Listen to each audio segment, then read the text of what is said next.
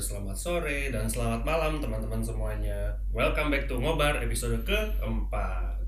Nah, eh, gue mau bahas eh, sama ngobrol sedikit nih sama Teguh pastinya karena podcast ini kan berdua sama Teguh ya, jadi nggak sama siapa-siapa lagi. Dan kebetulan juga nggak ada tamu juga hari ini, jadi ya Ya. udah kita ngobrol berdua aja ya gue ya. Oke, seperti biasa. Ya, jadi kan gue sempat ada bukan kejadian sih. Kayak kenapa sih tiba-tiba gue kepikiran mau ngomongin ini nih yang akan kita bahas hari ini. Kenapanya itu karena gue rasa nih belajar dari pengalaman yang kemarin eh, episode ketiga berarti ya yang kita bahas soal eh, hari kemerdekaan. Hari kemerdekaan. Hmm, yang eh, bulan Agustus itu itu entah kenapa waktu kita ngobrol, waktu kita eh, merancang eh, topik-topik pembahasannya itu kita susah banget Hmm. terus waktu record juga itu eh, apa ya kayak nggak lancar lah gitu kita ngobrolnya kayak tektokannya kurang asing nggak Hmm. kayak yang pertama gitu kan Ah, ya, karena mungkin topiknya juga terlalu berat kali ya. mungkin Nah. mungkin makanya itu ya kita mau coba ngobrol tentang yang mungkin lebih relate sama diri kita yang kayaknya kita bisa gali lebih dalam dari apa yang udah kita alami bersama-sama kayak gitu suara gue kurang keras ya ini gue deketin lagi aja karena belajar dari pengalaman juga ternyata tiga episode terakhir tuh eh, suara gue selalu kalah sama teguh dan ternyata gue kebetulan tanya sama teman gue Adi itu katanya suara gue emang kecil jadi ya ini Jadi kalau- kayaknya harus operasi. Oh, jangan sampai operasi dong. Tapi ternyata katanya gitu. Kalau mau volume suara gue ternyata lebih kecil dari orang-orang kebanyakan mungkin. Jadi ini gue agak lebih dekat dengan mic daripada teguh. Kayak gitu. Kita lihat ya hasilnya akan seperti apa. Siap. Semoga lebih berimbang suaranya. Nah, oke. jadi eh, topik ini gue kasih nama eh, apa ya? Lesson learn kali ya gitu. Oke. Kenapa? Dalam bahasa Indonesia apa, Bran? Eh, kalau di bahasa Indonesia kayaknya kurang bagus deh. Coba lesson learn apa? Adalah eh, eh, life lesson atau lesson learn sebenarnya kita mau bahas ini. Antara dua itu lah. Ya, dua itu. Ntar kita eh, fiksasiin di eh, judulnya aja waktu Oke. kita upload. Berarti tentang eh, inti tentang belajar ya. Mau belajar eh, tentang di mana pun, kapan pun dan dengan siapa pun. Nah kalau misalnya belajar ini, eh, menurut lo sendiri nih untuk eh, ya mungkin apa ya terlalu baku. Tapi menurut lo belajar itu kayak gimana sih prosesnya? Eh, kalau menurut gue pribadi sih belajar itu eh, sesuatu yang terjadi setiap saat sih. Jadi sebenarnya se- selama kita hidup ini kita tuh selalu belajar menurut gue. Jadi Hmm. maksudnya ketika mungkin kita menyendiri itu gue rasa kita lagi belajar juga. Ketika kita lagi ngumpul sama teman-teman, gue rasa kita bisa Dengan belajar. mengamati gitu ya. mengamati ataupun kita dengar cerita teman-teman kita atau kita mungkin like simple kayak kita tuh pesan makanan gitu ya itu kita juga lagi belajar lagi belajar untuk lebih baik lagi dengan dalam cara memesan makan di restoran kayak gitu Termasuk dengan kenal sama orang baru. Mm-mm. Otomatis itu kan belajar juga. betul belajar adaptasi, belajar tahu apa ya sikap dan sifat orang itu. Dan Iya. termasuk lu nggak sih, Bran? Lu kan baru menikah nih. ya Berarti Oke. kan lo itu belajar eh, baru belajar. Iya maksudnya dibanding gua kan enggak. Jadi maksudnya lebih ke eh, lo belajar dari lo dulu eh, single, ya walaupun punya pacar tetap single ya maksudnya Iya, hidupnya iya. kan sendiri juga, nggak Oh, nggak berpengaruh. Hmm. Sedangkan saat lo nikah kayak lo tadi cerita eh, lo harus nabung untuk beli handphone. oh oke Sedangkan kalau waktu lo single kayaknya nggak ngaruh gitu, nggak perlu nabung maksudnya gaji sebulan pun kayaknya bisa. Oh, maksudnya ada lah sisa-sisa, nggak perlu mikirin untuk bulan depan gitu kan. Hmm. Tapi kalau sekarang lo punya tanggung jawab lebih, Mm-mm. nah, otomatis dengan itu lo belajar untuk lebih bisa eh, apa ya, me, eh, memanage keuangan lo sendiri Bener karena lo udah punya istri banget. betul kan, Iya, dan lo iya. juga nggak bisa lagi kayak dulu kayak tidur bangun jam 11 siang nggak bangun-bangun kayak orang mati kan. Iya. Jadi sekarang mungkin lo juga jadi belajar menahan ego sih, iya gak sih? Belajar Ah. menahan ego. Harusnya lo masih pengen tidur atau harusnya lo nggak ke mana-mana tapi karena lo punya istri sekarang kayak ketika lo ngomong kayak gitu gue jadi nyadar bener juga nih Hmm. maksudnya iya gue merasa kayaknya ada perubahan nih dalam hidup gue cukup signifikan tapi karena mungkin gue cukup enjoy juga menjalaninya jadi gue nggak terlalu ngerasa eh, terbebani banget karena Hmm. mungkin waktu kita kecil lagi ya kita tuh ngerasa belajar itu adalah hal yang membosankan hal yang kayak aduh capek nih males nih gue pengen main aja gue pengen Hmm. main keluar gue pengen main sama temen kayak belajar tuh benar-benar hal yang kita hindari kalau menurut gue sih at least gue nggak tahu sih kalau menurut lo gimana tuh waktu lo waktu masih bocah gitu waktu SD Kalau gua lebih banyak tuh motivasinya dari orang lain. Misalnya contoh motivasi eh, gimana tuh motivasi buat belajar. oh oke Jadi misalnya eh, gue ngelihat ada orang itu jago, eh, misalnya jago main bola. hmm ya Contoh di situ. Karena gue banyak yang memang sifatnya eh, olahraga mungkin ya dulu pas masih kecil nih. iya benar Jadi gue dulu kalau ngeliat ada orang lebih jago, Hmm. gue akan termotivasi lebih. Jadi gue Oh, pengen oke gue lebih jago dari dia, otomatis gue harus latihan. Nah latihan itu kan sebenarnya proses belajar kan, benar benar di mana misal misalnya gue biasa main atau olahraga itu dua kali seminggu, gue jadi tambahin karena itu biar gue bisa eh, lebih nyampe ke target gue itu. oke benar Jadi kalau pas kecil itu eh, hal-hal yang gue sukain itu lebih ke pelajaran yang memang sifatnya eh, apa sih? Motorik motorik. Oh iya iya. Motorik. Kecerdasan. Ah, kecerdasan motorik. Karena Iya. gue lebih suka sama itu sih. Apa sih kalau hitung hitungan tuh? Eh, logis. Logis ya gue lebih suka kayak gitu. Ketimbang gue sulit untuk menghafal yang kayak sejarah. Hmm, lo harus menghafal ya, tanggal itu menurut gue susah Mhm. karena ka- karena apa ya nggak tahu juga sih menurut gue kalau menghafal itu ya lebih ke lo bukan memahami tapi cuma Hmm. menghafal sedangkan kalau lo memahami kayak belajar yang logis lo bisa tahu tanpa harus menghafalkan yang penting lo tahu konsepnya Hmm. lo bisa kerjain tuh selanjutnya Ya maksudnya artinya lo eh, bisa tahu cara kerjanya suatu eh, konsep, suatu masalah gitu ya berarti ya. Ya. Karena memang setuju juga sih kalau yang gua rasa kayaknya eh, yang namanya menghafal itu apa ya benar-benar dasar banget lah dari Hmm. level belajar gitu Benar-benar. kan.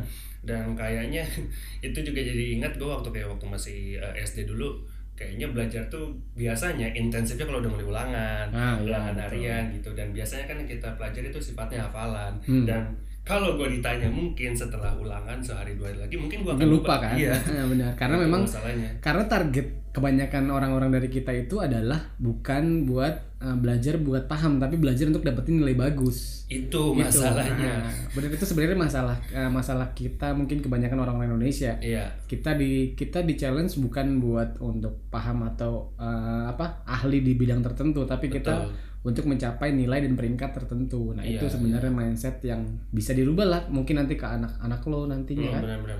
Karena kayaknya kalau dari sistem kita mungkin belum punya wewenang di sana Hmm, juga. betul. kayaknya wawasan kita juga mungkin belum terlalu banyak juga untuk Betul, kita betul. merubah ke arah sana. Masih kurang jam terbang lah. Benar benar benar. tapi kalau tadi lo ngomongin masalah eh, pelajaran berarti kalau gue bisa simpulin lo tuh bisa dibilang suka pelajaran matematika dan enggak ya. Terus olahraga juga? Olahraga suka. Terus apa lagi tuh selain itu gue kebanyakan suka tuh yang sifatnya memang hitung-hitungan. Gue tuh nih kalau nyokap gue belanja ya iya. misalnya belanja sayur Hmm. gitu. Lo yang megang duit? Bukan.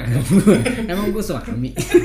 Bukan. Gue lebih ke misalnya nyokap gue nanya nih ini berapa? Eh, ini benar nggak ya? Eh, mas hitungannya ya. eh, beli segini segini segini. Itu gue bisa ngitung di luar kepala tanpa harus pakai Oh, kalkulator. wow. jadi kayak ngecek apakah benar tuh tukang sayurnya tadi. Oh, iya, nah, iya, angkanya segitu Benar-benar. dan lo percaya atau enggak makin ke sini gue kalau sekarang belanja bulanan gitu sendiri gue udah bisa taksir. Misalnya gue belanja misalnya ya Hmm. gue ambil sabun misalnya itu sepuluh ribu. Ya nah itu gue akan kira-kirain nanti gue tahu di kasir akan berapa kisarannya. Oh jadi gue nggak perlu ngecek stroke ulang jadi gue udah tahu kisarannya. Nah, itu gue suka banget ngitung di situ. Jadi- makanya gue jadi kadang-kadang suka hitung-hitungan sama diri sendiri. Oke terlalu perhitungan ya. Nah terus kalau mungkin tadi lo masalah itu mungkin kalau eh, dari sisi gue pribadi tuh kalau dari apa ya waktu gue kecil gue eh, sedikit suka juga mungkin kalau soal matematika. Tadi mungkin nggak tapi nggak se apa ya sebesar lo mungkin rasa suka Hmm. sama matematika. Karena apa ya eh, mungkin ketidaksukaan gue itu juga dampak dari nilai nilai-nilai yang buruk yang gue pernah dapatkan juga. Dari misal ulangan hariannya segala macam Hmm. gue merasa malu gitu kan karena mendapatkan nilai itu. Jadi gue kayak ah eh, apa ya mungkin waktu itu gue kurang kurang kuat atau kurang apa ya per- kurang berjuang gitu daya juang gue nggak nggak sebesar eh, yang sekarang gitu kan jadi kalau misalnya gue dapat nilai yang buruk gitu gue eh, nggak terlalu ingin memperbaikinya ketika eh, untuk ulangan-ulangan harian berikutnya kayak gitu tapi pernah tuh di suatu momen gue lupa entah itu SMP atau SMA akhirnya gue satu kayaknya sekali seumur hidup deh kayaknya gue ulangan harian gue tuh dapat 100 matematika oh iya Iya, cuma Itu sekali. kelas? Lupa gue SMP kayaknya. Gue inget gurunya siapa. waktu itu ada namanya Ibu Lila. Eh, dan apa ya gara-gara beliau juga gue kayaknya sama matematika gue jadi jadi lebih suka aja gitu daripada eh, waktu SD segala macam kayak gitu. Terus kalau untuk pelajaran-pelajaran lainnya sih kalau ngebahas sekolah sebenarnya nggak ada yang suka-suka banget juga tapi kalau masalah benci mungkin itu juga karena lebih kayak gue sulit memahami aja jadi karena gue sulit apa? paham. Kebanyakan apa? Yang biasanya susah itu buat Yang- waktu lo sekolah apa? ketika gue ingat sekarang mungkin yang kebayang di kepala gue tuh kimia ngapal segala macam tabel Hmm, oke. periodik kemudian cara menghitung apa-apanya tuh Hmm. masih kurang paham lah sampai sekarang gue konsep kimia itu. Terus sama mungkin ini apa eh, kalau di apa lingkup IPS itu ekonomi. Oh Entah gue malah iya. gue malah akuntansi gitu suka nggak? Enggak oh gue malah suka bedain yang kayak debit kredit Iya itu kayak masalah kayak kenapa tuh nggak balance apa neraca segala macam tuh gue masih bingung waktu itu ya. Hmm. kalau nggak balance pakai power balance Iya. Iya sih umur. tapi kalau kalau lo itu ya kalau gue lebih ke ini Bran gue tuh paling anti main musik sama gambar wah lo Kenapa? percaya apa Kenapa? enggak karena nggak bisa Oh, sama berarti kan kita nggak suka karena kita waktu itu kayak sulit Iya bener menguasai gitu bener kan. karena gue kalau gambar ya Hmm. gue lebih baik disuruh gambar daripada dibebasin kalau dibebasin gue cuma gambar pemandangan Oh. Ini misalnya disuruh ayo gambar apa aja gambar imajinasi mobil misalnya. kalau disuruh dia di papan tulis ada tulisan gambar mobil atau digambarin dulu sama gurunya Iya. gue bisa ngikutin Hmm, ya ya. Tapi karena kreativitas gue kurang di sisi seni-seni gitu bahkan gue main musik nih Mm-mm. pianika aja gue yang tul eh, apa yang pencetannya dikit itu gue masih susah ngafalin Iya. Oh. apalagi piano gitar yang tangannya berubah-berubah kan jadi gue gue SMP aja. Gue SMP aja itu kalau ada pelajaran seni gue pasti cabut. Bukan cabut gini. Jadi gurunya masuk absen dulu. Ya. terus gue ntar izin ke toilet tapi lama lah baliknya. Oh, ntar karena kalau udah mau selesai karena gue ada pressure kalau ya? iya kalau gue ditunjuk tiba-tiba wah gue nggak bisa banget. Hmm. jadi eh, yang gue takutin tuh waktu kecil tuh emang belajar seni-senian dari mulai musik seni rupa. Itu gue takut. Kenapa? Karena ya gue nggak bisa. Bahkan sampai sekarang kayaknya nggak ada bakat karena apa ya? eh, karena lo nggak enjoy tadi ya mungkin ya. Hmm. Karena emang tapi gimana ya? Dari diri lo pernah nggak sih ada ngerasa kayak lo tuh sebenarnya pengen coba gitu, pengen coba mahir di bidang itu seni ataupun gitar? pernah pernah pernah coba tapi yang gue sadarin gue kurang tekun Hmm. jadi kadang gue tuh gitu gini gue motivasi misalnya gue ngeliat temen gue jago main gitar Misalnya.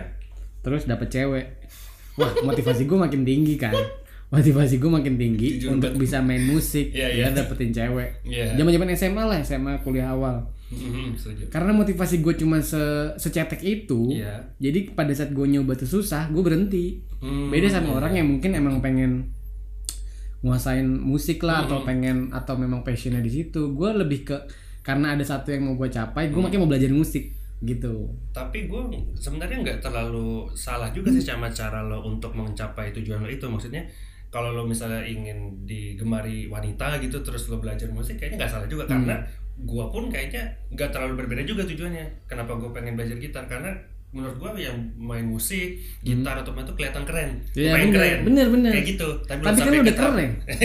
iya sih.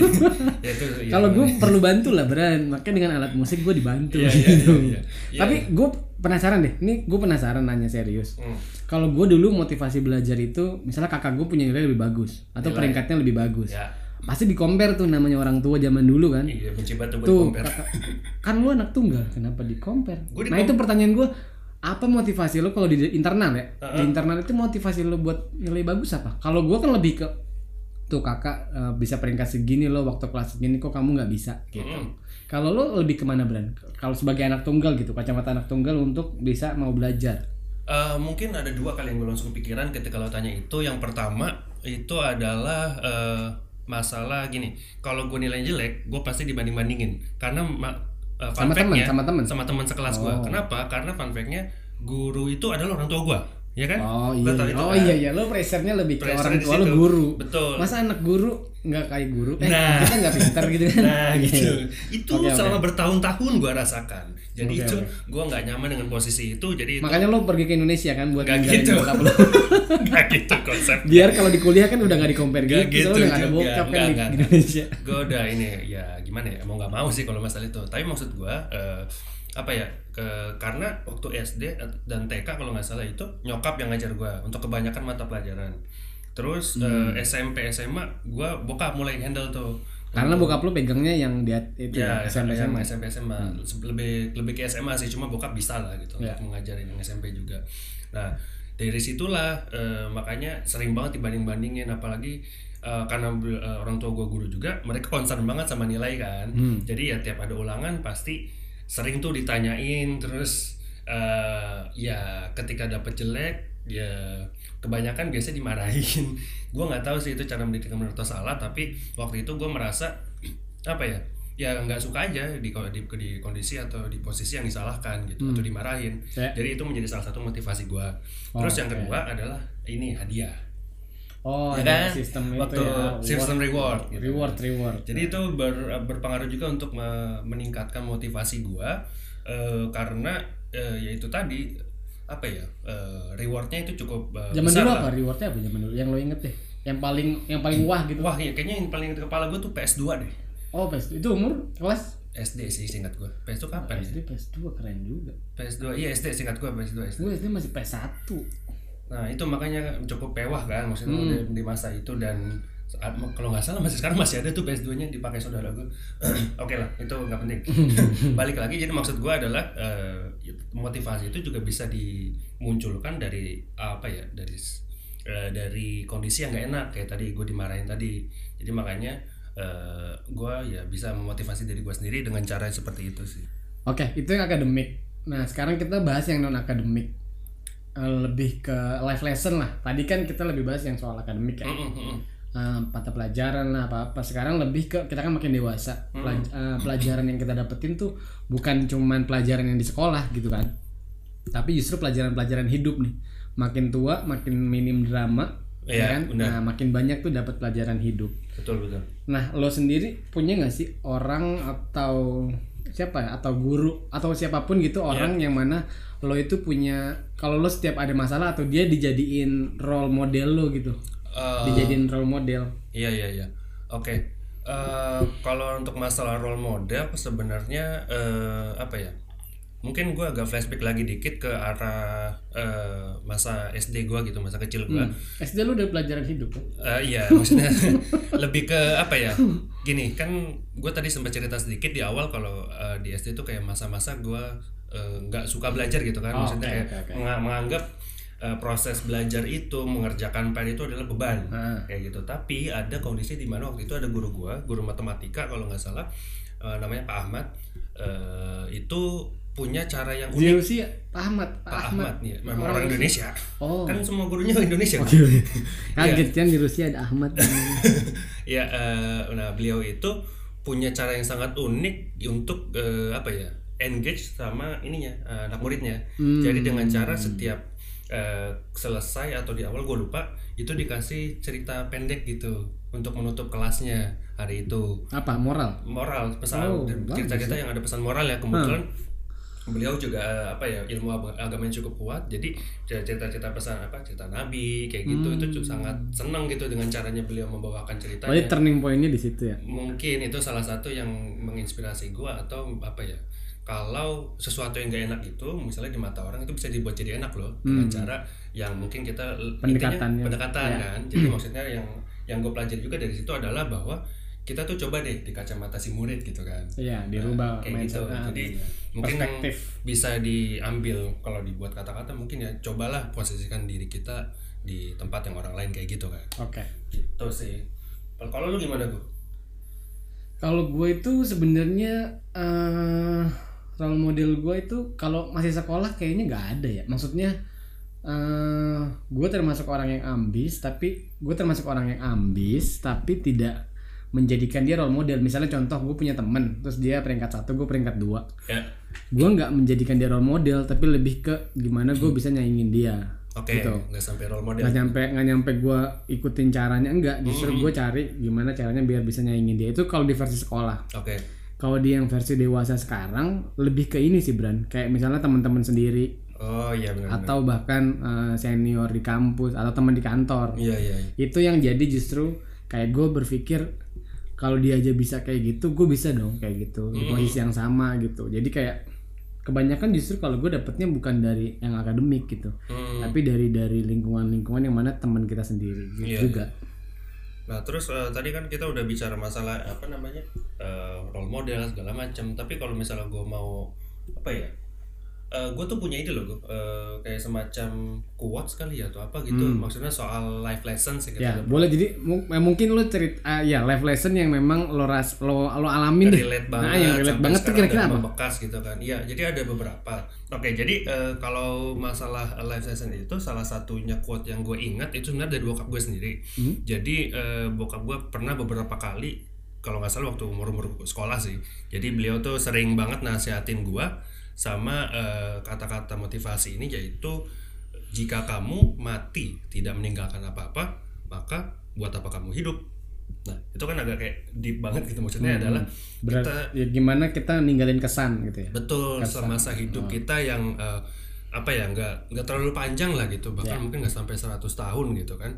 Itu ya sebisa mungkin kita mau bermanfaat gitu untuk banyak orang. Meninggalkan itu maksud dalam hal yang positif kayak gitu itu Ya. itu yang pertama terus itu yang kalau yang kedua itu ini berdasarkan pengalaman pribadi. Kapan gue dapatkan pengalaman ini adalah ketika gue eh, aktif di organisasi kampus. Oke. waktu itu di himpunan. Kita kan bareng tuh kerja bareng di sana. Ya. kemudian kita punya program bareng juga. Nah di sana gue belajar banget bahwa you can't make everyone happy. Ya, kalau itu gue setuju banget sih.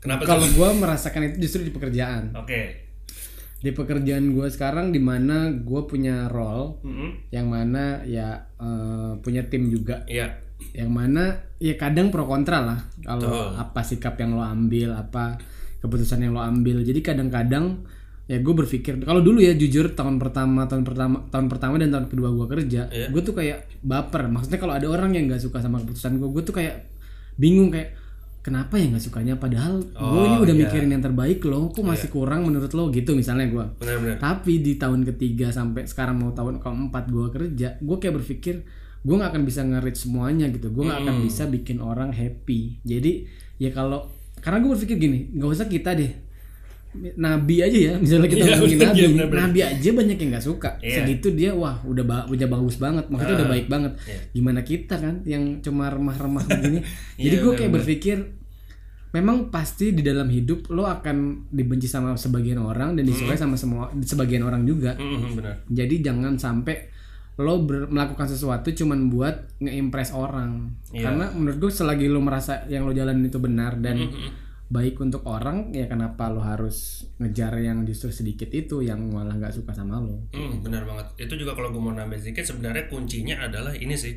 Itu biasanya dialami oleh orang-orang yang memegang keputusan atau Ya. bisa membuat keputusan. hmm. Nah, ketika di posisi itu makanya mereka tuh ada kayak ini loh, membanding-bandingkan nih yang Ya. mana nih kan yang terbaik buat siapa semua orang. Tapi ternyata ujung-ujungnya ketika dirasa udah paling terbaik masih ada aja yang kok Masih kontra. ada, benar-benar. Bahkan keras gitu prosesnya kayak gitu. Itu makanya eh, intinya ya karena kita nggak bisa menyenang bener yang lo bilang kita tidak bisa menyenangkan semua, orang, Yep, itu. Terus kalau gua satu lagi mungkin gua uh, terakhir ini kalau dari gua itu adalah ini karena apa ya? Waktu itu kalau nggak salah pelajarannya adalah di masa politik.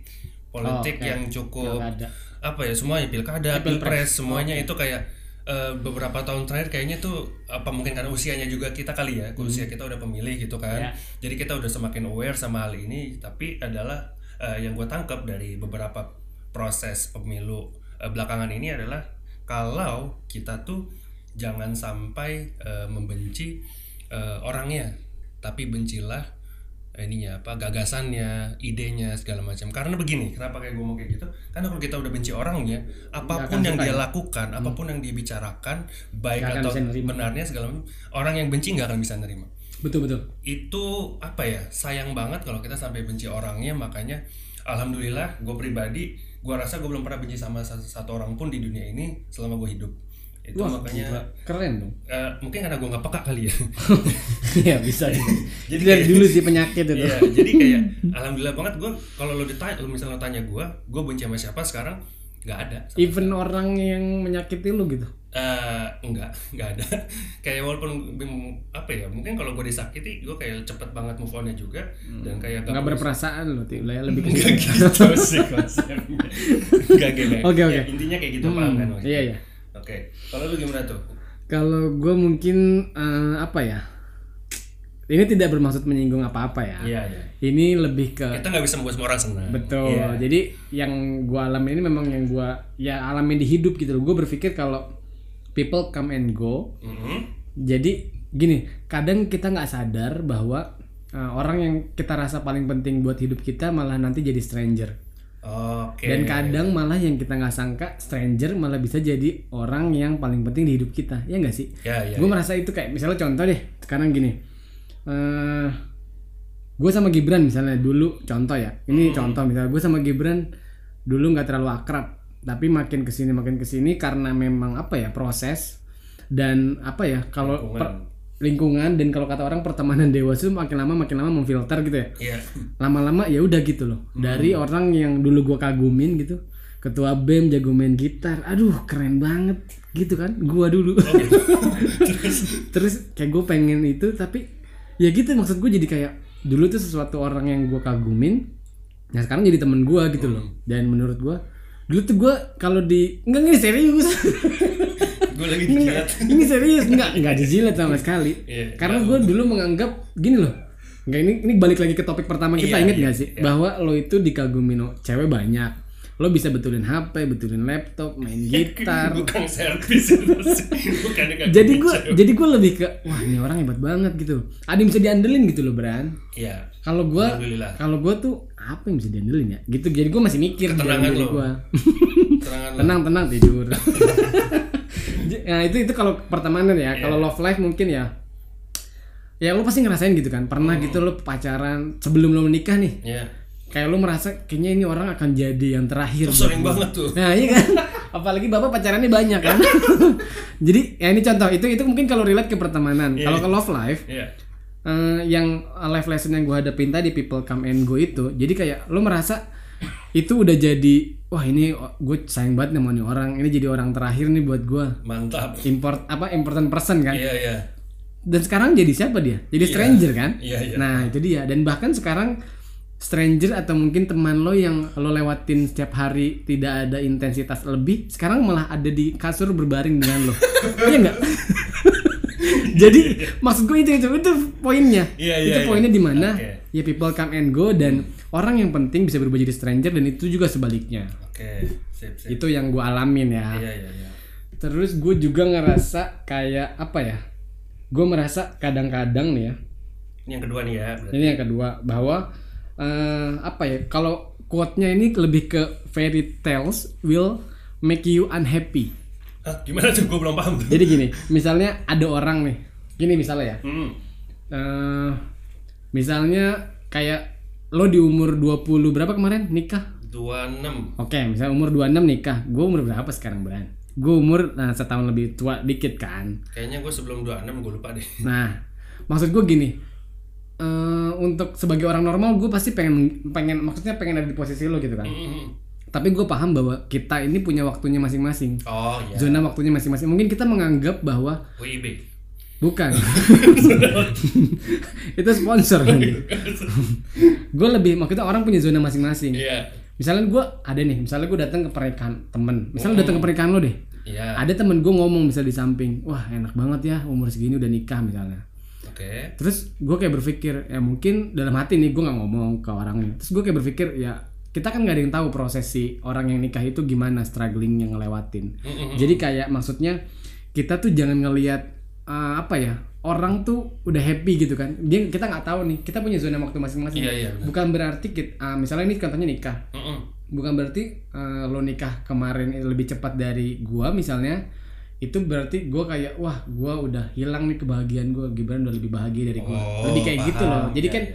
kayak ya semacam fairy tales gitu loh Bran jadi kayak apalagi misalnya contoh kekerjaan Mm-hmm. ada tuh teman-teman gue yang misalnya belum kerja terus berpikir kayak wah lu enak banget ya udah kerja udah punya pendapatan gini-gini gue belum Iya.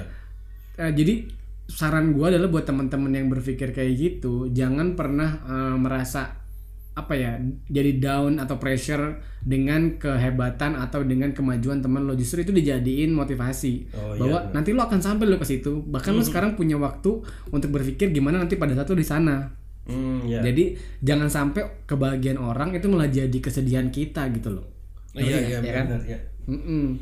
Jadi kalau orang bilang kan ada quote yang bilang kayak gini, eh, ada mahasiswa umur 19 udah lulus S1 gitu kan di Twitter misalnya gitu.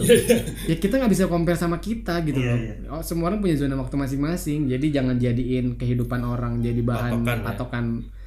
Eh, kehidupan yang ideal gitu loh. Nah kalau gue jadi lebih ke situ. Hmm. Jadi itu adalah eh, life lesson yang gue hadepin gitu sih seumur sekarang nih. Jadi gue sudah yang gue yang gua highlight di kehidupan gue dua poin tadi. Oke, iya ya. Jadi sebenarnya kalau kita bisa apa ya bahas lebih lanjut lagi, kalau waktu kita nggak terbatas, kayaknya bakal panjang Hmm. Banyak, sebenarnya banyak banget. Nah. Karena apa ya? yang namanya life lessons gitu kita bisa mempelajarinya nggak cuma di bangku kuliah atau Betul. di eh, bangku sekolah ataupun juga mungkin di eh, di kerjaan gitu kita mungkin nggak cuma bisa mendapatkan dari training atau apa tapi kita bisa benar-benar bisa mendapatkannya di kehidupan sehari-hari ketika kita eh, lagi ngobrol sama teman lagi Hmm, kenal orang nongkrong, baru orang kadang bukan sama orang baru kita bisa ngelihat wah ternyata kehidupan mereka kayak gini loh. Ternyata kehidupan kita nggak ada apa-apanya atau nggak ada lebih pahit-pahitnya gitu. Kayak orang kan kita kadang suka mikir hidup kita kayaknya pahit banget ya gitu. Misalnya belum dapat kerja Iya, atau belum iya. punya pacar. Tapi kita nggak tahu loh ada orang ada orang yang udah survive tapi lebih parah daripada kita gitu loh. Oke ya jadi itu kan juga nilai atau value atau ya belajar pembelajaran juga yang bisa kita ambil dari situ gitu. Huh, oke. Ini topiknya berat, tapi entah kenapa gue ngerasa kita cukup lancar maksudnya kita ngobrolnya, kita eh, bahasnya dan karena Eh. itu nyerempet nyerempet curhat mungkin bisa jadi dan eh, karena memang berdasarkan pengalaman kita pribadi juga. Tapi bukan saya yang curhat, bukan. Eh, Teman saya nih ada. Oh tadi ya.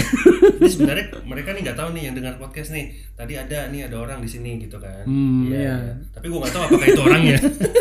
Oke. Eh, ngomongin belajar nih, Bro. Lo tertarik nggak sih? Nggak kayak teman-teman gue tuh kebanyakan ada yang resign terus lanjut kuliah lagi. Oh. S2. Iya iya. Untuk menutup pertanyaan terakhir deh, gue kayak lo kepikiran gak sih buat itu kuliah lagi? eh kepikiran dari dulu juga kepikiran dari sejak gua kuliah S1 eh, eh, waktu belajar waktu masih kuliah itu udah kepikiran eh, bahkan setelah mulai dapat kerja juga yang pertama kerjaan pertama juga masih kepikiran masih jadi mimpi. Eh, dan dan bahkan sekarang pun ketika sudah menikah itu juga masih menjadi bucket list gua. Hmm? eh ya semoga jadi doa sih maksudnya insya Allah dalam waktu dekat nggak perlu lama-lama lah. Kalau bisa ya under five years itu kalau bisa gue Target udah target, target lah insya Allah gitu kalau ada rezekinya eh, dan semoga gue dikuatkan untuk mm, apa ya mencari kesempatan itu maksudnya nggak cuma ngomong doang Kalian kan. sebelumnya atau kalian baru? Eh, Eh, sorry, jurusan sebelumnya atau jurusan kayaknya jurusan baru deh gue maksudnya eh, belajar dari pengalaman Tapi yang masih irisan ya? Kalau kayaknya enggak ya? deh Enggak juga. gue enggak bahkan kayaknya gue kepikiran gini kenapa karena gue pengen enggak apa lintas jurusan gitu karena kayaknya yang jurusan kita yang kemarin S1 tuh kayak terlalu spesifik menurut gua. Oh, Jadi kurang luas, kurang luas. kurang luas marketnya terlalu eh, spesifik dan kalau misalkan di dunia kerja kayaknya ya itu nggak banyak gitu yang tanda Oh, kutip oke, membutuhkan eh, ke ke bu- apa namanya ilmu segala macam eh, terkait dengan ke eh, ilmuwan jurusan kita kemarin waktu S1 makanya gua kalau misalkan sekarang di eh, disuruh milih mungkin eh, antara ke marketing bisnis atau manajemen ke arah sana Oh, cuma spesifiknya seperti apa gue masih cari-cari tahu dulu gue harus eh, riset, lagi dulu karena ini akan mempengaruhi juga masa depan gue ke depannya kan Hmm. Nah, kayak gitu. Dalam negeri apa luar negeri? ya pengennya sih mimpinya ya idealnya gue adalah bisa di luar negeri bawa eh, bini gue Hmm. kemudian juga mendapatkan beasiswa kayak gitu Iya, iya. Cuma ya itu ya masih masih harapan lah Hmm. gitu gue nggak tahu gue belum tahu caranya mendapatkan atau eh, eh, step by stepnya untuk mencapai ke arah sana Ya. gitu. tapi kalau lo sendiri gimana pikiran nggak? Kalau gua tuh kepikiran, tapi, Tapi- gue pengen ya, entah kenapa ya, karena udah kerja, prioritasnya jadi berubah, bukan lagi dulu awal-awal kerja sih satu tahun dua tahun mungkin kepikiran, makin ke sini, jadi gue berpikir gue pengen kuliah tapi gue pengen tetap kerja.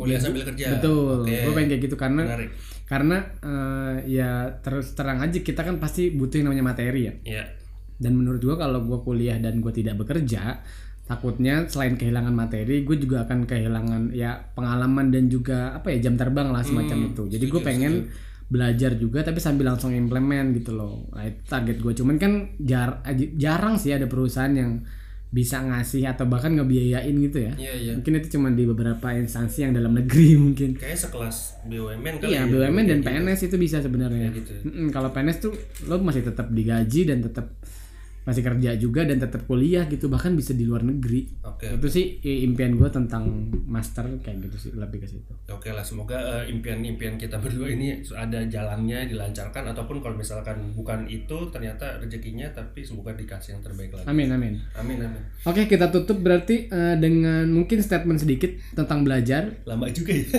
Udah berapa menit itu gue? Iya, keren berarti 30-an menit. karena lancar ya Iya ya, mungkin. mungkin kita tutup statement dengan eh, simple aja menurut lo itu belajar itu apa sih Belajar itu mungkin kalau eh, apa ya? Gue boleh ambil satu kata itu adalah proses. Kenapa? Karena eh, belajar itu dilakukan gua rasa adalah setiap saat kita masih bernafas kita berarti malah lagi proses belajar dan kita akan berhenti belajar ketika kita mungkin sudah mengembuskan nafas terakhir itu menurut gua belajar kalau menurut lo gimana? Kalau gue simple aja belajar itu berarti lo bisa lebih baik dari sebelumnya. Itu aja gue jadi misalnya sekarang lo eh, misalnya apa ya? Misal lo belum bisa naik tangga. belum bisa naik tangga sekarang udah bisa naik tangga berarti lo sudah belajar. Oke lo sesimpel itu ya ah, sesimpel itu. Misalnya lo sesederhana itu misalnya lo eh, dulu belum bisa masak sekarang karena WFH lo bisa masak itu berarti lo udah belajar. Oke, menurut gue jadi lo lebih baik atau lebih mempunyai sesuatu dari sebelumnya Oke, nice banget statementnya sederhana tapi dalam dan kayaknya kita harus bisa mengimplementasikannya di kehidupan sehari-hari. Ya, itu yang susah biasanya. itu tantangan memang di situ. Oke, ditutup aja dari sini berarti. Sip, terima kasih buat teman-teman yang udah Thank mendengarkan karena kita masih di mau apa masih di zaman pandemi. Zaman. Di zaman pandemi jadi kita tidak henti-hentinya untuk menghimbau teman-teman tetap menjaga protokol kesehatannya, digunakan maskernya, tetap jaga jarak, jangan lupa cuci tangan dan kalau bisa di rumah aja. Di rumah aja ngapain dengerin podcast ngobar. Yeay. Bye-bye. Bye-bye.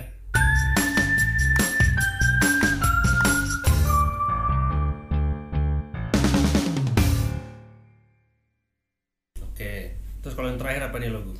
Yang terakhir itu adalah roti cut dulu ya.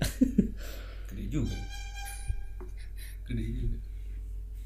Eh, itu yang ketiga ya? ya. Tapi gue mau ganti deh susah kayaknya. Gak usah, kamu skip aja. Skip aja udah lama. Skip aja.